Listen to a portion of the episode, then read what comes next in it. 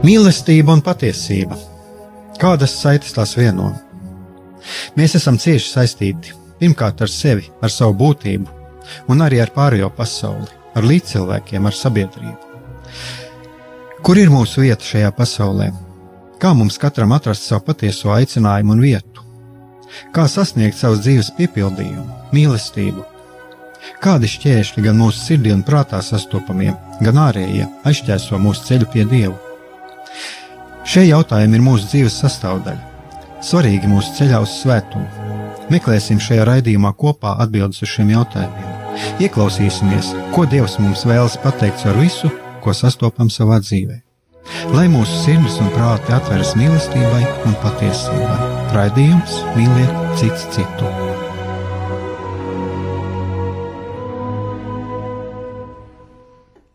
Lai top slavēts Jēzus Kristus, esiet sveicināti, dārgie radio klausītāji. Studijā esmu Egārs Brīkmanis. Šis ir tātad redzējums mīliet cits citu. Un šodien būs kā jau daudzas reizes iepriekš, es dalīšos savās pārdomās par vienu no e, pāvesta homīlijām, un, darbie radio klausītāji, jūs šodien klausījāties Vatikāna radio, tur, tur tika izklāstīta Mm.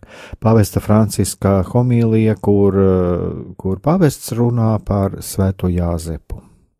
Un kā jau vienmēr šādos gadījumos, um, es um, varu arī atgādināt, vēlos jums atgādināt, ka tas nav kaut kāds pāvesta domu skaidrojums, jo es domāju, ka tie, kas klausās pāvesta tekstos, kuri lasa pāvesta tekstus, viņiem ir pašiem ir dota brīva iespēja tos saprast, saprast atbilstoši savai pieredzēji.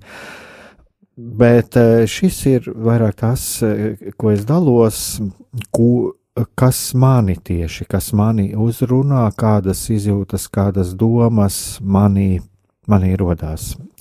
Un um, man pat reizēm ir tāda sajūta, ka tiešām svētais gars īpaši vada, jo um, šis pat mazliet tā turpina e, iepriekšējā raidījuma tēmu, kur mēs ar, ar, ar Lievu Spuravu runājām, mēs pieskarāmies arī tādai lietai, kā kā mm, laime, laime un, un veiksme. Un es domāju, ka arī no šāda skatu punkta mēs var, varam arī paskatīties uz Jāzepu. Un tātad atgriežoties pie tā, ko runāja vakardien svētajā misē homilijā pāvests Francisks Te es arī vēlos atgādināt, ko, kas, ko arī, eh, protams, kas tika runāts arī Vatikāna radio, ka še, šajā dievkalpojumā dalībnieki lūdzās par bērniem ar īpašām vajadzībām un um, no Slovākijas bērniem, un kuri bija sarū, sarūpējuši dažādas Ziemassvētku dekorācijas. Un tātad, ko saka Pāvests Francisks par Jāzepu? Pāvests Francisks saka, Jāzeps ir vīrs, kurš lūdzās klusējot un viņš ir sapņa vīrs. Svētie raksti runā par viņu kā taisnīgu un pazemīgu vīru, kurš ievēroja likumu un mīlēja Mariju.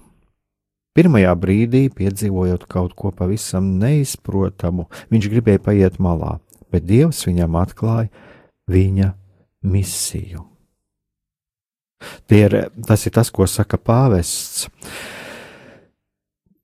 Tā tad Svētie raksti runā, ka Jāzeps bija vīrs, kluss vīrs, sapņu vīrs, taisnīgs un pazemīgs vīrs, kurš ievēroja likumu un mīlēja Mariju. Un, eh, darbie radioklausītāji, es domāju, ka mēs šeit katrs arī varam ieklausīties, ieklausīties tajā, ko saka uh, Pāvests Francisks par eh, Jāzepu un varam arī ieklausīties un padomāt par pāvesta situāciju.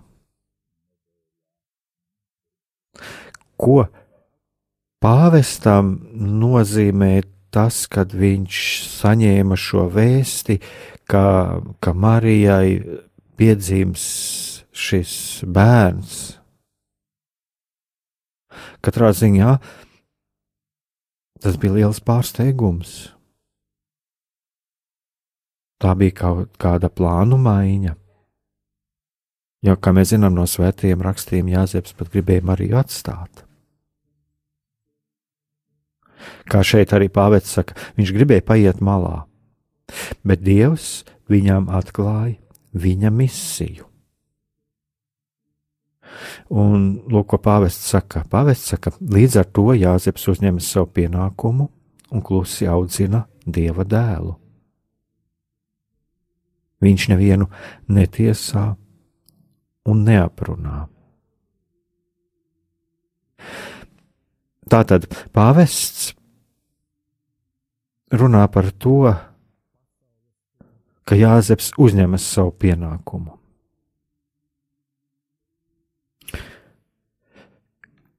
Kas man ir un kas jums ir, darbie radio klausītāji, pienākums? Kas ir tas pienākums, ko, ko mēs katrs esam saņēmuši?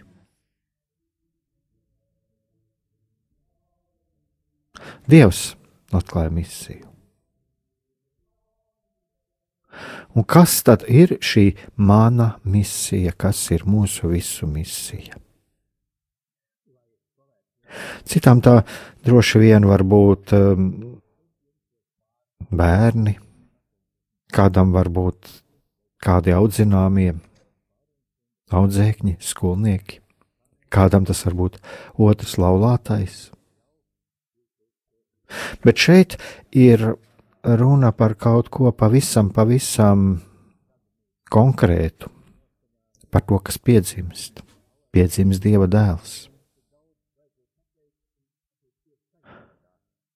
Šeit pat, ja mēs tā paskatāmies, tad Jāzeps bija pārsteigts, jo viņš pat nedomāja par šo situāciju. Viņam droši vien bija pavisam cita izpratne par to, par ģimeni, par par ģimeni kopā ar Mariju, bet lūk, šeit Dievs viņam sagādā tādu pārsteigumu. Un ko dara pāvis, ko dara Jāzeps? Viņš uzņemas šo savu pienākumu un klusi audzina šo dieva dēlu. abatās,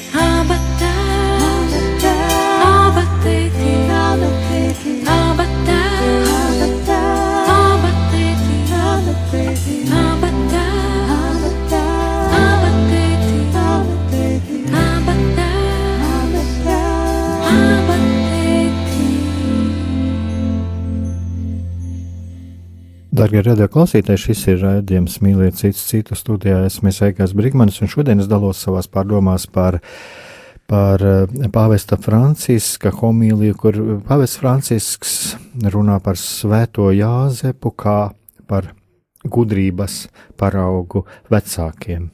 Un Un pirms muzikālās pauzes es jau pieskāros tam, kā Jāzeps uzņemas savu pienākumu audzināt dieva dēlu, un viņš viņu klusi audzina, nevienu netiesā un neaprunā, un kā pāvests arī runā par to, ka jā, viņš Gādīgs tēvs, viņš meklē vietu, kur bērns varētu piedzimt, rūpējas par viņu,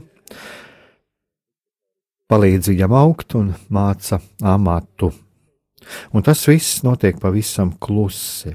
Un kā saka pāvests, viņš neko nepiesavinās sev. Viņš ļauj Jēzum augt. Un um, patiesībā ļoti skaisti vārdi. Viņš ļauj Jēzum augt. Un uh, Es te aicinātu, varbūt arī mums katram ieklausīties, ko mūsu sirdis saka par to, ko nozīmē ļaut augt.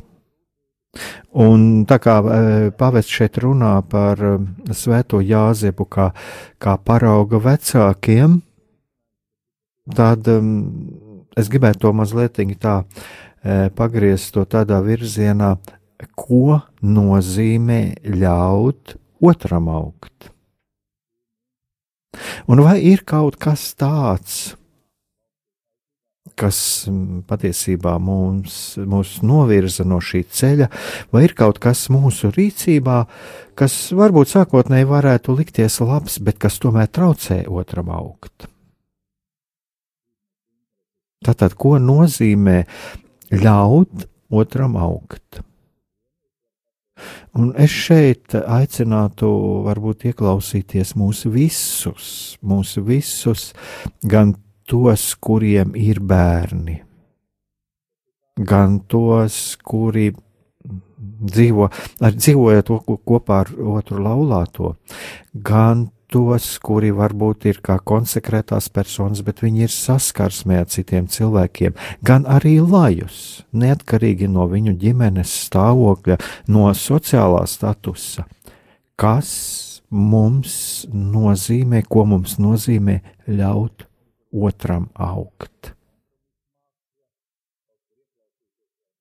Vai nav tā, ka mēs esam tomēr katrs aicināti, mm, Dievs mums iedod mūsu ceļā, noliek kādus cilvēkus, ļauj mums sastapt cilvēkus? Un ko tādā gadījumā nozīmē ļaut otram augt? Un pāvests, ko runā tālāk? Pāvests runā par to, ka lūk, šajā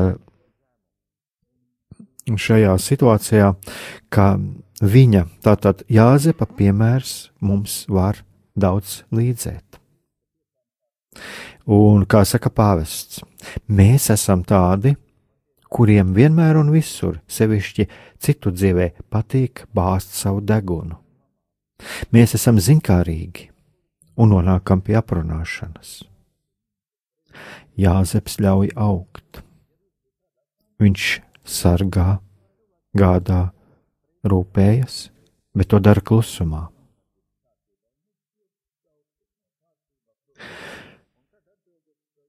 Es domāju, ka šeit uh, ir ļoti vērts ieklausīties šajos vārdos. Jāzeps ļauj augt, viņš sargā, gādā, rūpējas, bet to dara klusumā. Šeit, protams, ir runa par bērnu, par Jēzus bērnu, un tāpat daudzās ģimenēs ir bērni, un ir eh, atbilstoši šī bērna vecumam, ir arī atbilstošas rūpes, kuras vajag izrādīt. Bet kā mēs to darām? Kā mēs izrādām rūpes par bērniem?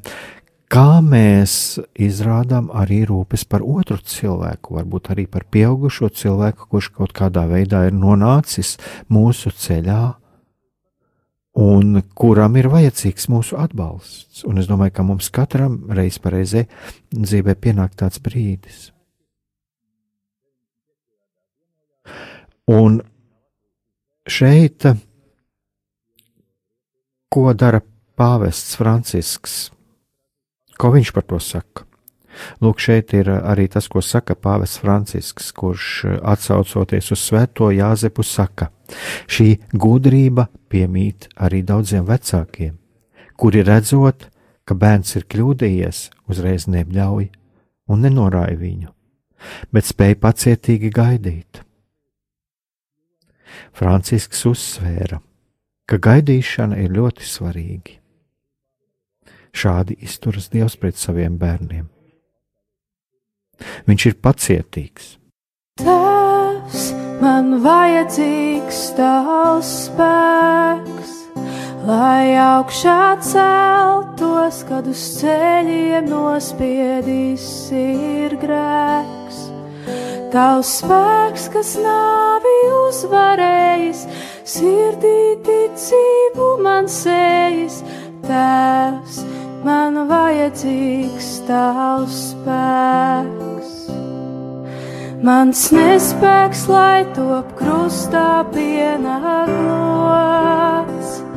lai dzīvot varu spēkā, kas caur Kristu iemantots, lai vienmēr gatavs piedošanu miera vēsti nest.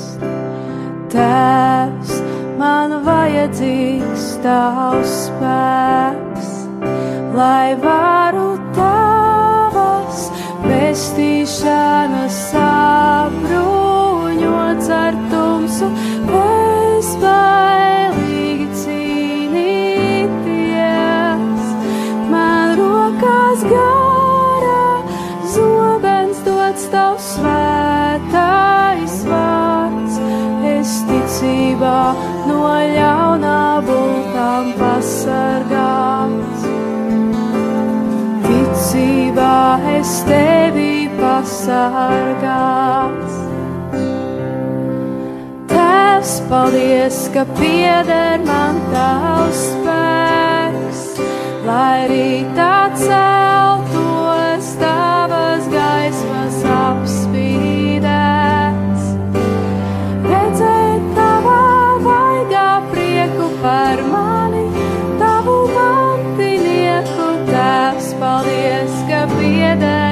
man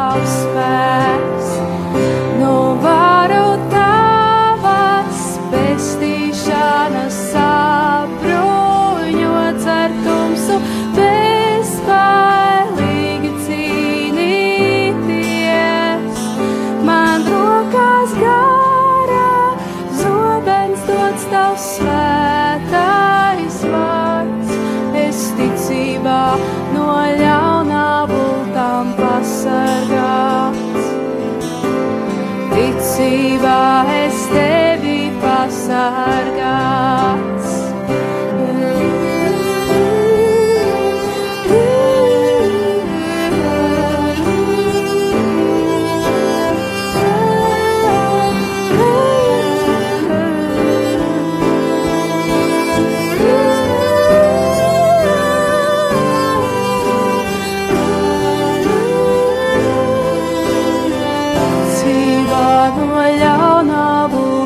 Būtā pasargāts. Ticībā es tevi pasargāts. Tēvs, paldies, ka pieder man tavs spēks.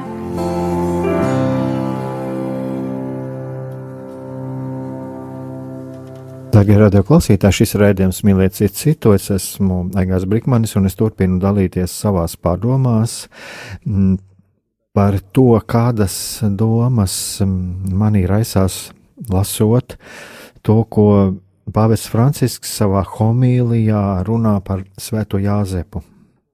Un mm, es vēlreiz vēlos atkārtot tos vārdus, ko teica Pāvests Francisks par vecākiem, kuriem ir tāda pati gudrība kā svētiem Jāzepam, un pavests runā. Šī gudrība piemīt arī daudziem vecākiem, kuri redzot, ka bērns ir kļūdījies, uzreiz nebļauj un nenorāja viņu, bet spēj pacietīgi gaidīt. Un pavests atgādina, ka gaidīšana ir ļoti svarīga, jo šādi Dievs izturas pret saviem bērniem. Dievs ir pacietīgs. Un es um, vēlos arī tā mazliet aicināt uz tādu ieklausīšanos mums katram pašam sevī, cik mēs esam pacietīgi. Cik mēs esam pacietīgi, vai mēs esam pacietīgi attiecībās ar citiem cilvēkiem, vecāki ar bērniem, bet eh, mēs arī daudz ar pieaugušajiem, ar līdzcilvēkiem. Vai mēs spējam gaidīt? Jo ļoti zīmīgi, ko saka pāvests. Pāvests saka, vecākiem, kuri redzot, ka bērns ir kļūdījies, uzreiz nebļauj nenorāja viņu. Tā tad pāvests runā par eh, tādu lietu kā kļūdu, Šeit nav runa par kaut kādu mm, apzinātu ļaunprātību, kur, eh, ja mēs redzam, ka cilvēks ļaunprātīgi kaut ko dara, grēko, eh, mums ir pat pienākums eh, viņam par to atgādināt. Jo tādā veidā mēs arī šim cilvēkam palīdzam augt. Mēs palīdzam viņam iziet no šī, no šī grēka stāvokļa. Bet šeit pāvests runā par to, ka bērns ir kļūdījies, un tad gudri vecāki nebļauj un nenorāja viņu. Un vai nav tā arī mūsu dzīvēs bieži vien, kad mēs redzot kāda cilvēka rīcību, izdarām savu spriedumu? Sākam tiesāt. Un pat ja tas nav tieši vēršoties pie šī cilvēka, tad savās domās. Un mēs pat nezinām, kāpēc šis cilvēks tā ir rīkojies, bet mēs jau esam izdarījuši spriedumu, un mēs jau dzīvojam ar šīm domām par viņu. Mūsos ir pazuduši, uz, pazudusi uzticība. Bet varbūt pirms izdarīt spriedumu, mums derētu ar šo cilvēku aprunāties. Un pat ja tas nav iespējams, varbūt atstāt dažas lietas dieva ziņā un pacietīgi gaidīt. Šeit es vēlreiz vēros, vēros, vēlos atgādināt, ka šeit nav runa par eh, to, kur mēs redzam apzinātu ļaunprātīgu rīcību, bet pāvests runā par to, ka bērns kļūdījies. Un cik daudz nav tādu bērnu, tādu cilvēku, kuri bērnībā ir saņēmuši šos uzbļāvienus un, un norāšanas, un kuri dzīvo gadu desmitiem ilgi bailēs, nedrošībā. Un viņš joprojām nespēja izteikt savu viedokli vai spērt kādu soli uz to, ko viņa, viņš sajūt aicinājumu, jo viņš baidās no nosodījuma, no norāšanas. Un vai atsevišķos gadījumos nav tā, ka mēs ar savu attieksmi, ar savu uzbļaušanu, ar savu norāšanu nokaujam dieva balsi bērnā, apslāpējam dieva balsi bērnā, un šis apslāpējums nāk viņam līdzi mūža garumā. Bet ko dara Dievs? Dievs ir pacietīgs. Un tā tad es vēlreiz vēlos šeit uzsvērt arī to, kas, kas man īpaši uzrunā, kad ir patiesībā mums mazliet ir jāskatās kā uz bērnu, uz jebkuru cilvēku, kurš nāk mūsu priekšā, kā uz dieva bērnu, kas ir apveltīts ar cieņu, jo viņš ir dieva bērns.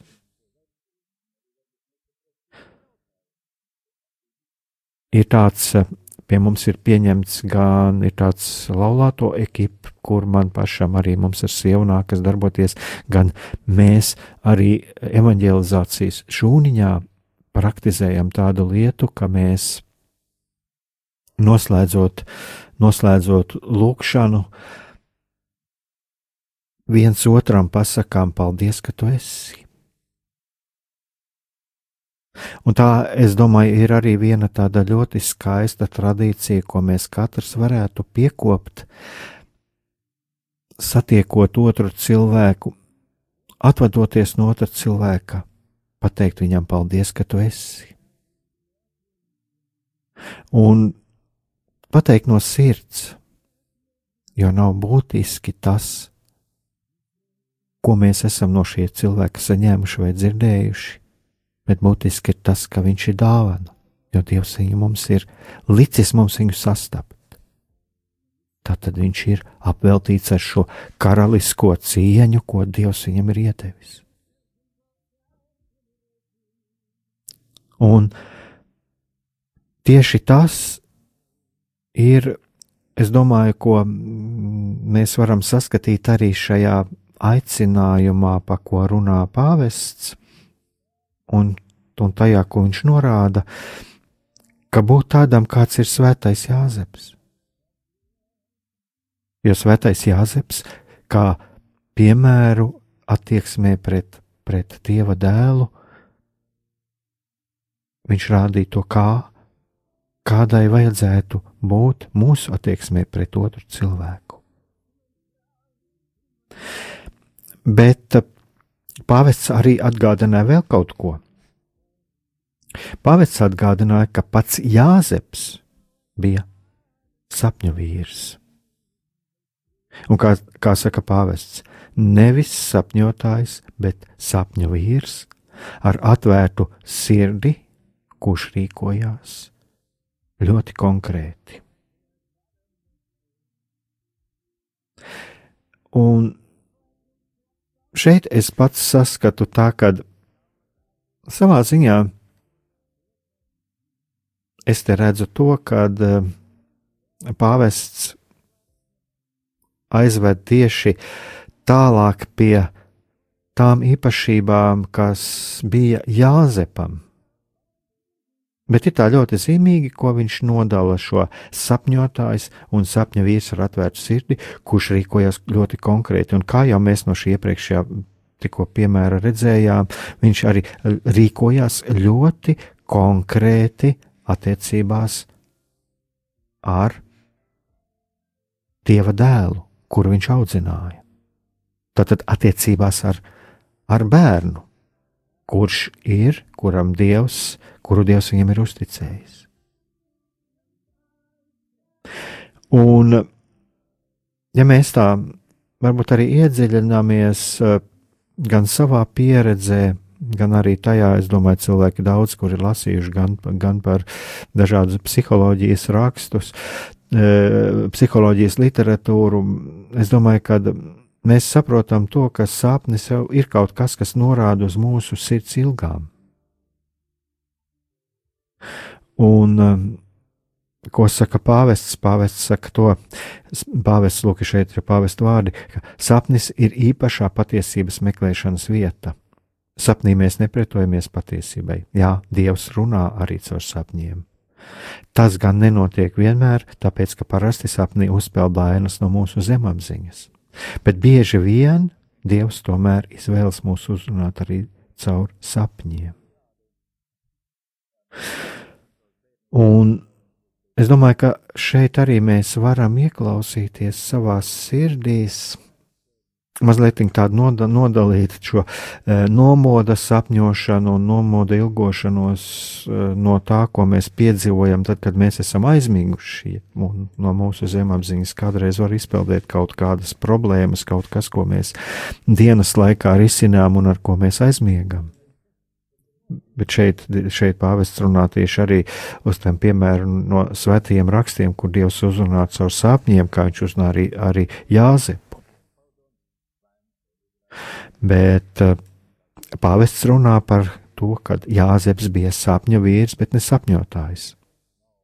Un viņš nebija fantazētājs, tie ir pāvesta vārdi. Viņš nebija fantazētājs. Un, eh, ko saka pāvests? Pāvests saka, Sapņotājs ir kaut kas cits. Tas ir cilvēks, kurš ir atrauts no zemes, lidinās pa mākoņiem. Jāzeps stāvēja abām kājām uz zemes, bet viņš bija atvērts. Tā tad tas, ko es šeit arī saredzu, šo nodalījumu, tā tad sapņotājs, eh, fantazētājs un sapņu cilvēks. Tas ir, man tas pašam personīgi arī liek ļoti daudz pārdomāt par to, kur, kurā vietā ir šī atšķirība. Bet pāvests dod eh, tādu ļoti stingru un skaidru norādi. Jāzeps stāvēja abām kājām uz zemes, bet viņš bija atvērts. Un šeit es vēlētos mm, mazliet atgādināt tādas divas, divas, vai to var saukt par situāciju, tādus divus virzienus. Tad, tad pirmais uzdot sev jautājumu, vai mani sapņi saskan ar manu patieso aicinājumu. Un otrs jautājums ir, vai tas, pēc kā ilgojos, ir sasniedzams? Un vai tas, pēc kā es ilgojos, ir morāliski labs? Un, manuprāt, šeit ir arī atbilde tajā, kā pāvests raksturoja, ka Jāzeps stāvēja uz abām, abām kājām uz zemes, bet viņš bija atvērts. Es domāju, ka pāvestam bija, um, Jāzepam bija savi plāni, kurus Jēzus piedzimšana izmainīja. Un lūk, šeit ir šis jautājums, vai tas, pēc kā es ilgojos, ir sasniedzams, un vai manā dzīvē nepienāk kaut kāda situācija, kad es esmu pats spiests kādreiz radikāli mainīt savus plānus. Un tā nebūtu nav kāda bērna piedzimšana, bet tas var būt piemēram veselības stāvoklis, tas var būt kaut kādas situācijas maiņa valstī, pasaulē, ko paudžu paudzēm cilvēki ir piedzīvojuši. Un ko, kur cilvēkiem ir nācies mainīt savus ieceres, savus plānus. Un tā pašā laikā arī mēs varam paskatīties par saviem sapņiem, vai tas saskan ar manu patieso aicinājumu. Jo kā jau mēs iepriekšējā raidījumā, kad mēs runājām ar Līvu Spuravu, tur arī tika pieminēts tas, ka reizēm tas, ko mēs uzskatām par savu aicinājumu, patiesībā ir kaut kas no malas ietekmēts. Jo mums tas liekas ļoti prestiži, Mēs tā tad tik daudz ieklausāmies nevis savā sirds balsī, bet mēs sapņojam par to, cik mums būs daudz naudas, cik mēs būsim godāti no sabiedrības. Bet vai tas tā tad, tādā gadījumā, vai tas ir tas mans patiesais aicinājums?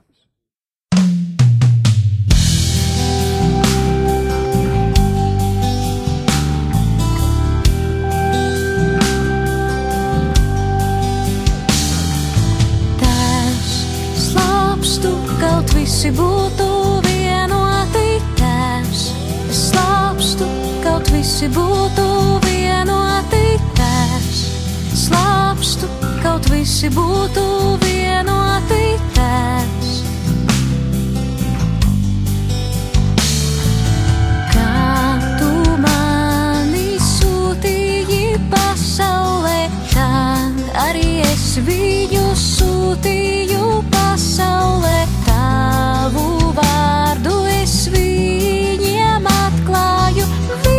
Dievs, lai pilnīgs mans prieks. Tēvs, slāpstu, kaut visi būtu vienoti. Tēvs, slāpstu, kaut visi būtu vienoti. Tēvs, slāpstu, kaut visi būtu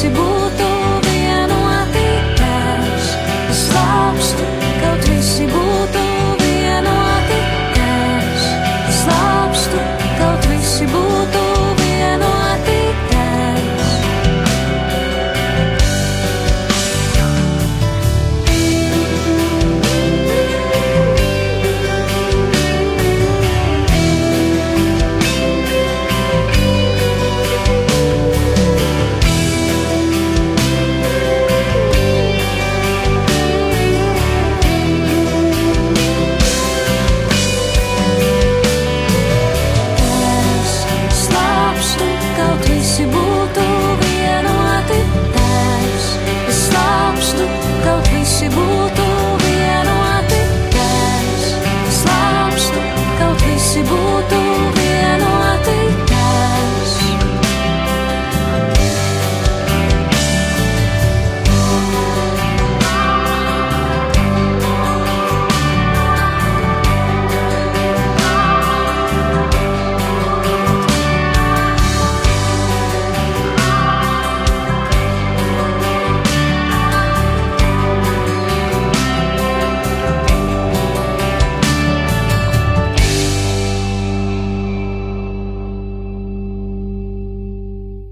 Darbie radio klausītāji, šis rādījums mīliet citu citu. Es turpinu dalīties savās pārdomās par, par pāvesta Franciska uh, homīliju, kurā viņš runā par svēto Jāzepu, un, un man iznāca tādas diezgan garas pārdomas. Ceru, ka jūs nenogurdināju.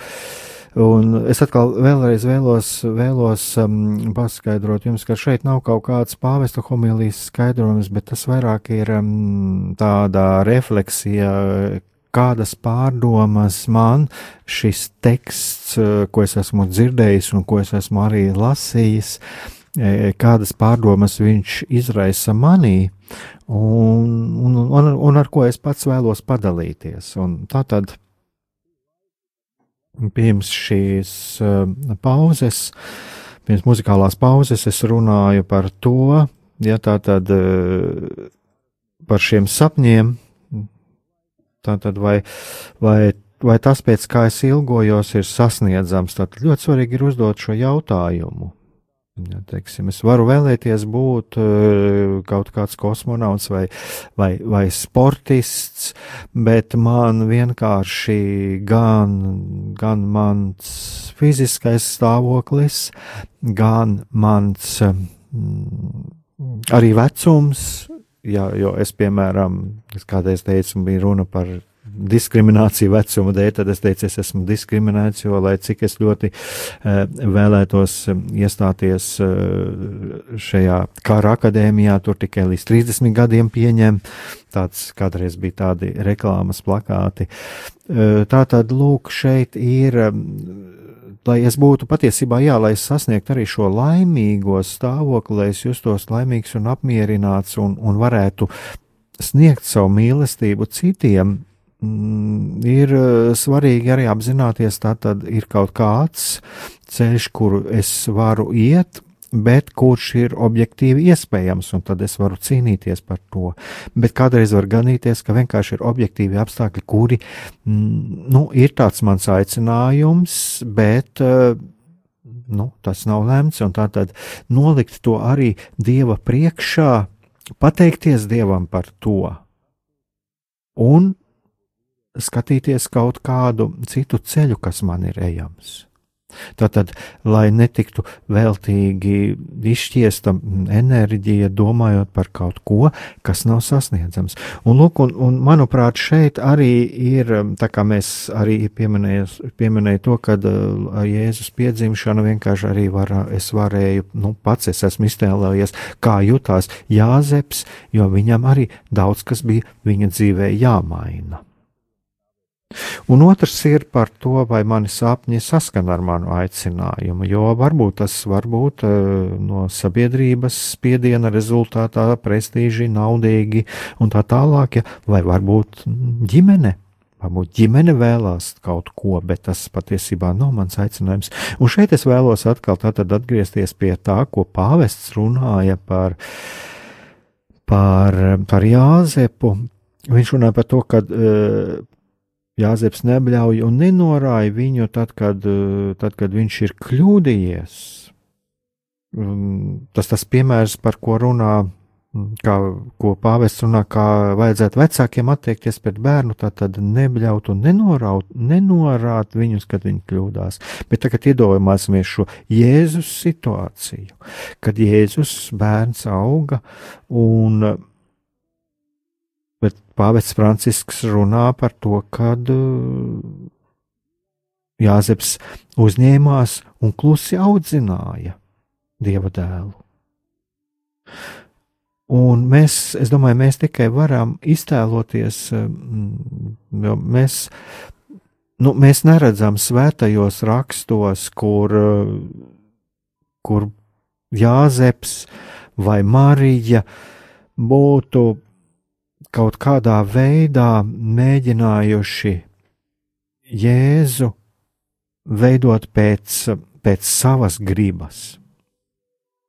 Jo varētu jau būt, ka tad, kad Jēzus ienāca Jeruzalemē vai tad, kad viņš mācīja, un tad, kad redzēja šos uh, Jēzus konfliktus ar tā laika garīgajām autoritātēm, nu, it kā būtu tīri pamats teikt, apgalvot, nu, teikt, uh, ka, nu, varbūt to nedarīt, jo tas var būt apdraudoši, bet nē, arī tad viņi ļāva Jēzum iet, izvēlēties savu dzīves ceļu. E, būtībā sekot savam aicinājumam. Un es domāju, ka šeit arī ir ļoti svarīgi, ja mēs runājam par, par Jāzepu, kurš bija sapņu vīrs, nevis sapņotājs. Tā tad sapņi, sapņi savā, sapņi par, par sevi, sapņi par Mariju, sapņi par Jēzu, bet stāvēt ar abām kājām uz zemes. Un tā pašā laikā, kā pāvests runā, bet viņš bija atvērts. Tātad Jāzeps stāvēja abām kājām uz zemes, bet viņš bija atvērts. Tātad viņš bija atvērts arī tām izmaiņām, tām izmaiņām, kas notika, notika Jēzus, eh, Jēzus, Jēzus dzīvē, viņa dzīvē.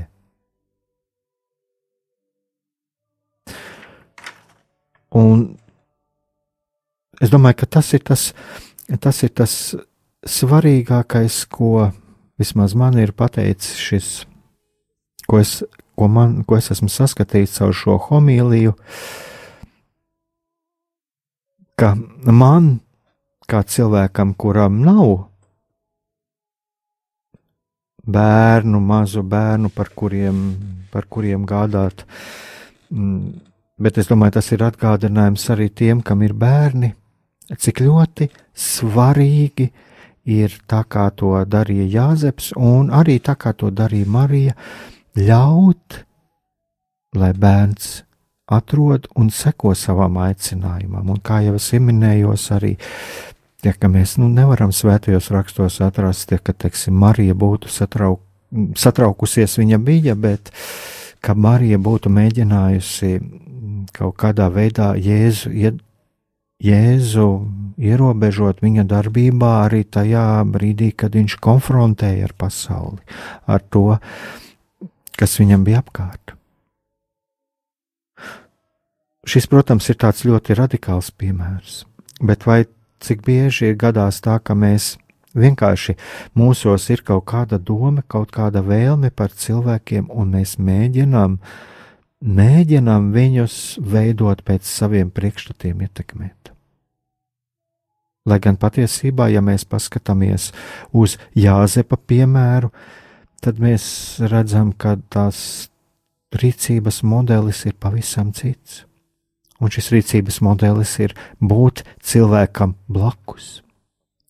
Būt viņam blakus, lai viņš jūt mūsu atbalstu, mūsu mīlestību, bet lai cilvēks ir pats lai viņš izvēlas pats savu ceļu, lai viņš dzīvo pats savu dzīvi.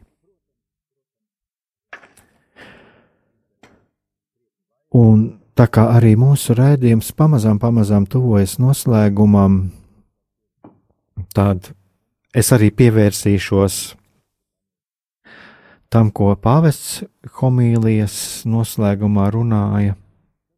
Un pāvests runāja par to, viņš mūs aicināja nezaudēt spēju sapņot. Un, kā saka pāvests, nezaudēt spēju sapņot un neraugoties uz iespējamām grūtībām, spēju paļāvīgi raudzīties nākotnē. Mēs varam ar paļāvību raudzīties uz savas ģimenes un savu bērnu nākotni. Priesteri var paļāvīgi raudzīties uz savu ticīgo nākotni. Mēs visi varam sapņot, kā sapņo jaunieši, kuri atrod savu ceļu. Mēs esam aicināti padomāt, kādu nākotni mēs redzam, kādu nākotni mēs gribam saviem bērniem. Nezaudē spēju sapņot. Sapņot nozīmē atvērt durvis nākotnē, lai nākotnē nestu augļus. Un šeit es vēlos eh, noslēgumā pateikt, ka patiesībā jau mēs visi vēlamies redzēt gan savus bērnus laimīgus, gan cilvēkus apkārt sev laimīgus. Tas ir tas dziļākais sirds vēlmes, kas mūsos ir ieliktas, tie ir tie mūsu sapņi, un mēs vēlamies paši būt laimīgi. Bet es domāju, ja mēs ieklausāmies savu siežu dziļumos, un ja mēs cenšamies saprast otru cilvēku, tad mēs saprotam, ka ceļš uz laimi, ceļš uz mūsu dzīves piepildījumu ir dzīvot mums pašiem savu dzīvi. Un būt mīlestībā blakus cits citam, vienkārši būt blakus, vajadzīgā brīdī sniegt palīdzīgu roku, palīdzīgu atbalstu, atsevišķā brīdī padomu, bet būt blakus un ļaut cilvēkam dzīvot to dzīvi, to dzīves ceļu, kuru viņam ir devis pats Dievs. Ļaut cilvēkam būt pašam, jo tas ir skaistākais, ko Dievs viņā ir radījis. Raidījums mīlēt cits citu. Dievam nav nērtu tematu. Šajā raidījumā cenšamies runāt par visām norisēm, kuras skar vai var skart mūsu dzīvi. Runājam par pagātni, par šodienu un par nākotnes iespējām. Kopā meklējam patiesību un cenšamies gūt cerību un stiprinājumu sev un citiem. Klausieties mūsu katru trešdienu, pulksten 16. Raidījuma vadītājs Aigars Brikmanis.